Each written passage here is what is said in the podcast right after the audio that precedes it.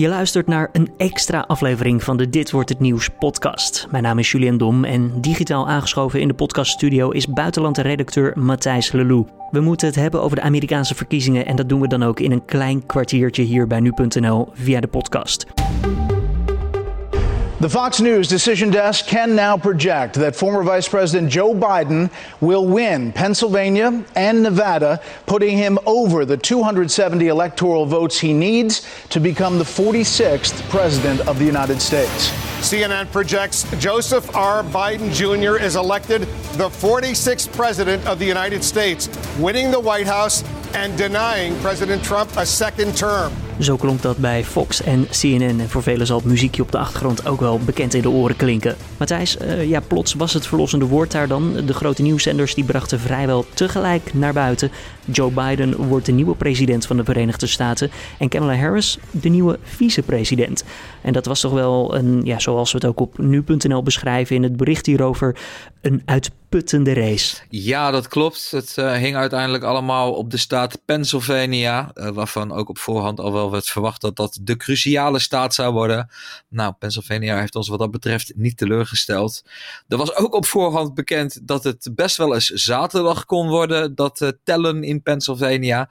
En ook dat bleek uiteindelijk gewoon te kloppen. We hebben elkaar al veel gesproken vooraf aan de presidentsverkiezingen, al door het hele jaar door eigenlijk. En hoe dichter we bij die 3 november kwamen, hoe vaker jij ook zei: het kan lang duren. Als we het ochtends niet weten, dan weten we het waarschijnlijk die middag ook nog niet. Want het zijn gewoon heel veel stemmen die geteld moeten worden. En uiteindelijk waren we toch een soort van verrast dat we met z'n allen zo lang moesten wachten, volgens mij. Ja, en of je dat nou helemaal verrassing kunt noemen, of wel gewoon spanning. Er zit natuurlijk uh, een enorme druk op dat telproces. Nou ja, ik hoef dat niemand te vertellen, want dat hebben we de afgelopen dagen allemaal meegemaakt. Um, en, en dan zie je dan toch dat, dat eigenlijk die verwachtingen die je op voorhand had, dat die dan in, in belang afnemen. Of dat, dat, dat je dat opeens een beetje vergeet. En dat je denkt, toch denkt van, nou, wanneer komt het nou? Wanneer komt het nou? En daar was het dan, hè? zaterdag. Gelukkig uh, dat we duidelijkheid hebben. Het is dus Joe Biden geworden, president-elect, zoals we hem nu noemen. Het was nog even een dingetje of ze hem volgens mij ook op, zo op Fox News zouden noemen, toch? Ja, Fox News die uh, haalde de woede van het Witte Huis uh, al over zich heen door de staat Arizona heel vroeg al aan Biden te geven in hun voorspelling van de einduitslag. Dat uh, werd volgens bronnen uit het Witte Huis niet goed ontvangen door uh, president Trump. Die belde onder meer met uh, Rupert Murdoch, de Australische mediamagnaat die eigenaar is van onder meer Fox News. En het leek er daarna eventjes op dat Fox toch een beetje voorzichtiger werd. Ze trokken die voorspelling voor Arizona niet in. Maar ze lieten wel weten dat zolang uh, eigenlijk de Republikeinen nog vraagtekens hebben bij de legitimiteit van de uitslag, zullen zij uh, Biden niet omschrijven als president-elect. En legitimiteit van deze uitslag? Nou, natuurlijk, uh, er wordt nog altijd geteld op het moment dat we dit opnemen. Zaterdagavond, pak een beet 9 uur. Matthijs, kan je iets zeggen over de, ja, in, in hoeverre de meerderheid voor Biden heeft gestemd? En aan de ene kant de popular vote en aan de andere kant het aantal kiesmannen. Nou, de popular vote, daar is heel weinig twijfel over mogelijk. Uh, Joe Biden die heeft op dit moment ruim 4 miljoen stemmen meer gekregen dan Donald Trump. Er wordt nog steeds geteld, zoals je zegt. Dus uh, de verwachting is dat dat best wel eens op zou kunnen lopen naar 5 miljoen. Dat is uh, de grootste landelijke overwinningsmarge van een president uit de Amerikaanse... Of niet de marge moet ik zeggen. Het grootste aantal stemmen wat een president in de Amerikaanse verkiezingen heeft gekregen ooit. Um, ja, dan uh, kun je je een beetje afvragen van, nou ja, als hij 4 miljoen stemmen meer heeft dan zijn tegenstander, waarom hebben we dan allemaal dagenlang naar eigenlijk dat beetje dat gekloot op die vierkante millimeter gekeken? Ja, dat, dat heeft gewoon te maken met de eigenaardigheden van het Amerikaanse kiesstelsel. En dat die kiesmannen kleine staten die hebben daar simpelweg meer invloed dan grote staten qua inwonertal. En uh, ja, dat uh, leidt tot uh, bepaalde vertekeningen. En zo zou het kunnen gebeuren dat je met 4 miljoen stemmen meer alsnog de verkiezingen verliest. We zagen dat, voor, tenminste vorig jaar, de vorige presidentsverkiezingen, Hillary Clinton had toen meer stemmen. Hè? Meer de, een grotere popular vote, maar verloor toch van Donald Trump. Ja, nu is het dus twee kanten positief voor Joe Biden. Nou ja, en dat, dat waren er ook niet weinig. Dat waren er 2,8 miljoen, die voorsprong van Hillary Clinton Clinton destijds.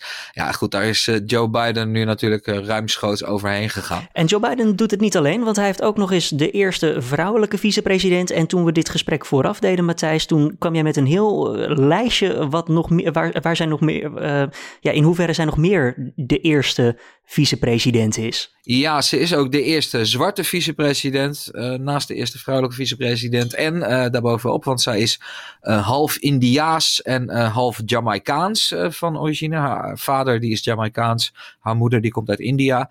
En, en dat maakt haar ook de eerste Aziatische vicepresident. Dus Kamala Harris die verbreekt hier ook een heleboel historische records allemaal in één klap. Wat hebben zij beiden gezegd nadat de media dit duo heeft uitgeroepen tot de nieuwe president en de nieuwe vicepresident van de Verenigde Staten. We moeten dat natuurlijk wel eerst even nuanceren, want je zegt de media die heeft hen uitgeroepen tot winnaar. Uh, de media die doet dat natuurlijk wel op basis van de feiten en de feiten die zijn in dit geval het aantal stemmen en uh, de marge die uh, Biden in de belangrijkste swingstaten heeft. Uiteraard, ik, ik zeg ook de media omdat de projected winner, uit die stemmen die worden nog geteld, uiteindelijk moet het allemaal officieel doorgegeven worden. Het staat nog niet zwart op wit, maar eigenlijk, we kunnen er niet omheen. Het is gewoon zo. Precies, ik, uh, hè, we moeten het er voor de zekerheid even uh, bij zeggen. Voor het geval mensen misschien denken dat de, de media de wereld besturen. Maar inderdaad, zij zijn nu uitgeroepen. Wat zij zelf zeggen is dat ze heel erg naartoe willen, naar verzoening toe willen. Um, Biden die erft een diep verdeeld land. Um, er zijn nog steeds uh, ja, ruim 70 miljoen Amerikanen die op Donald Trump hebben gestemd. Dus die staan nog steeds achter uh, de president. Joe Biden die heeft dan op dit moment uh, eh, 74 miljoen Amerikanen achter zich.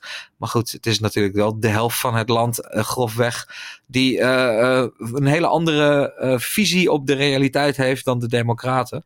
Ja, en die helft heeft gekozen voor president Donald Trump, huidig president Donald Trump. Die heeft trouwens ook meteen gereageerd al op het uitroepen van Joe Biden tot president-elect. Wat heeft Donald Trump precies gezegd, Matthijs? Nou, Trump die zegt eigenlijk uh, uh, precies uh, dat waar ik net een beetje bang voor was en waarom ik even nuanceerde op dat punt van de media. Want Trump die zegt, hey, de media die kunnen niet bepalen wie er heeft gewonnen. Trump die zegt nog steeds, wij hebben gewoon gewonnen. Trump die zegt, ik heb een enorme overwinning behaald. Maar de democraten die frauderen op zo'n grote schaal dat het nu lijkt in samenswering met de media alsof, Don, of, alsof of uh, Joe Biden de president is, maar dat is helemaal niet zo. Nou ja, dat is een beetje het uh, standpunt wat uh, de huidige president aanhoudt. Iemand moet toch tegen Trump op een gegeven moment zeggen van nou weet je, hoe we de cijfers ook in elkaar zetten, het wordt wel gewoon heel erg lastig. Je moet rekening houden met dat je daadwerkelijk het Witte Huis moet verlaten. Ja, dat, ja goed, dat is moeilijk te zeggen. We hebben in de afgelopen vier jaar gezien dat er een heleboel mensen om Trump heen zitten die af en toe wel zeggen van ja, we proberen hem te bereiken op uh, punten. Maar uiteindelijk komt het er toch vaak op neer dat uh, de, deze president heel erg vaak zijn eigen koers kiest. En zich uh, niet makkelijk iets uit het hoofd laat praten als hij dat niet wil. Maar um, ja, weet je, de, de, de feiten die zijn gewoon heel simpel. Op 20 januari dan zal Donald Trump toch zijn boeltje moeten pakken en het Witte Huis moeten verlaten. Je zegt zijn eigen koers, maar er dus is dus voor hem geen juridische mogelijkheid om nog iets te proberen? Of denk jij dat er toch nog wel ergens iets uit de hoge hoed wordt getoverd vanuit het kamp van de Republikeinen. Je kunt inmiddels wel zeggen dat als de Republikeinen de verkiezingsuitslag nog willen aanvechten, dan zullen ze toch echt met bewijzen moeten komen voor hun bewering dat sprake was van grootschalige fraude. De federale verkiezingscommissie, de FEC, die heeft al laten weten dat de verkiezingen nagenoeg vlekkeloos zijn verlopen. Ja, dat is de toezichthoudende instantie. Um, dus ja, daar zullen de Republikeinen toch wel iets feitelijks tegenover moeten stellen. als ze uh, willen zeggen dat dat niet klopt. En dat bewijs dat, uh, dat ontbreekt vooralsnog. Nou, mocht dat bewijs op een gegeven moment nog komen, dan zullen we je ongetwijfeld daar nog over spreken. Dan terug naar de situatie nu. Joe Biden, president-elect, hij erft een ja, tot op een bot verdeeld land. Dat zien we eigenlijk aan alle berichten waar dan ook, die, die gewoon voorbij komen. Matthijs, dit land is 50-50.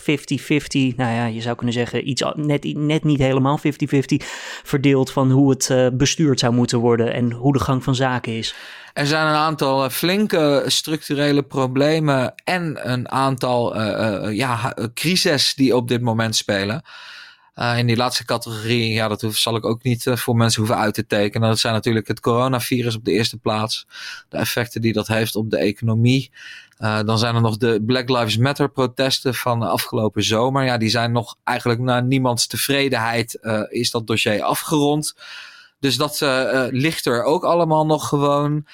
Dan hebben we ook nog de uh, eerste ernstige gevolgen van de klimaatcrisis uh, crisis die zich aandienen. Dat kun je bijvoorbeeld zien aan uh, de branden in Californië recent. Onder meer in Californië moet ik zeggen, want eigenlijk de hele westkust van het land die stond in de fik. dat zijn allemaal problemen die Joe Biden en Kamala Harris samen moeten gaan aanpakken. Maar dat kan best nog wel eens heel lastig worden als uh, zo'n beetje de helft van uh, het land zegt van ja, jullie willen hier een uh, soort van socialistische helstaat vestigen en het land vernietigen. Zo, zo wordt dat gezegd. Terwijl Joe Biden zegt van nou, ik ben niet, ik, tenminste, ik word niet alleen een president van de mensen die op mij hebben gekozen, maar ik word een president van alle Amerikanen. I represent all of you, whether you voted for me or against me. And I'm going to make sure that you're represented. Ja, dat, nou ja, goed, dat zegt hij inderdaad. Hè, en eh, daar zou je dan tegen kunnen aanvoeren dat eigenlijk bijna elke nieuwe president dat zegt. Uh, want het is natuurlijk bij elke nieuwe president zo dat hij ook een aanzienlijk deel van de bevolking niet achter zich hebben staan. Maar ja, de uitdagingen die zijn, die zijn enorm. En wat dat nog eens een keertje moeilijker maakt, zijn die systemische problemen waar ik het over had. Hè. In de eerste plaats, nou ja, bijvoorbeeld uh, in samenhang met die Black Lives Matter protesten, het racisme wat uh, op veel plaatsen gewoon verankerd zit. Uh, heel diep in de Amerikaanse maatschappij, maar ook op het politieke front. Um, dan is de, de strijd om de Senaat is bijvoorbeeld een heel goed voor, voorbeeld. Want in de huidige Senaat hebben de Republikeinen een meerderheid. In het huidige Huis van Afgevaardigden de Democraten. In de Senaat lijkt het ook alsof de Republikeinen daar de meerderheid houden. Hè? Voorlopig wel. Uh, dat is nog verre van zeker. Want er uh, zijn in Georgia zijn er twee senaatsraces die nog moeten worden beslist. Uh, geen van de vier kandidaten in die races had genoeg stemmen om, om eigenlijk gewoon al meteen in de eerste ronde te winnen. Want dat gaat zo onder de wet in Georgia. Ehm, dus er moet een tweede ronde komen. Die zal begin januari pas worden gehouden. 4 januari. Uh, en dan moet duidelijk worden of de Democraten er nog in zullen slagen om uh, twee zetels uh, in de Senaat te veroveren. Want de resultaten tot nu toe, die vallen voor de Democraten heel erg tegen. Ze hebben maar een netto winst van één zetel behaald momenteel. En ze moeten er eigenlijk op zijn minst drie hebben. Matthijs, als laatste vraag, dan laat ik je gaan. Dan laat ik je naar, ja, je, waarschijnlijk, je wil ook slapen, denk ik, ondertussen na al deze dagen. Dus de overdracht van macht. Um, wanneer begint zo'n proces? Kan je daar iets over vertellen? En wanneer is zo'n proces, nou ja, is dat 20 januari afgerond of is dat eerder al geregeld, denk jij? Nou, er staan een aantal belangrijke data op, uh, op de agenda. En allereerst moeten de uitkomsten van deze verkiezingen, kijk, het tellen loopt nog. We weten inmiddels wie heeft gewonnen, maar nog niet alle stemmen zijn geteld. Dat moet allemaal worden afgerond, dat moet allemaal worden geverifieerd. Uh, dan moet dat uh, door de kiesmannen uh, uiteindelijk worden doorgegeven begin december aan het, aan het congres. Zodat daar ook duidelijk wordt dat dat is eigenlijk het moment waarop de nieuwe president en vicepresident echt worden verkozen. De Amerikaanse kiezer die kiest daar niet direct op, maar die kiest op een afvaardiging van kiesmannen die die keuze moeten gaan maken. Dus dat moet allemaal nog. In de tussentijd zal het team Biden al wel heel erg bezig zijn met de overgang. Um, ja, die moeten straks natuurlijk hè, een kabinet optuigen. Die moeten de leiding over uh, het machtigste land ter wereld overnemen. Dus dan uh, kun je niet over één nacht ijs gaan. Die voorbereidingen die lopen ook al maanden. Daar beginnen kandidaten al mee als ze nog helemaal niet weten of ze wel zullen gaan winnen. Het is nog even de vraag of team Trump hen daar heel erg behulpzaam bij gaat zijn. Maar zelfs als dat niet zo is, hè, dan, dan is het niet zo dat president Trump dat zou kunnen tegenhouden. En dan uiteindelijk op 20 eh, januari, dan is het grote moment daar. En dan moeten Biden en Harris worden ingezworen. En uh, vanaf dat moment is de regering Biden een feit. Dankjewel Matthijs Lulu, buitenland en redacteur hier bij nu.nl. En dan zijn we meteen bij het einde van deze extra Dit Wordt Het Nieuws aflevering. Voor het laatste verkiezingsnieuws kan je natuurlijk terecht op de website en in de app. Tekst, audio en video, daar vind je het allemaal. Mocht je nou vragen of opmerkingen hebben, dan kan je dat sturen naar podcast.nu.nl. We lezen alles, dus het komt ook daadwerkelijk goed terecht. Mijn naam is Julian Dom. Voor nu een heel fijn weekend. En maandag hoor je hier collega Dominique Schep weer om 6 uur ochtends met de ochtendeditie van deze podcast.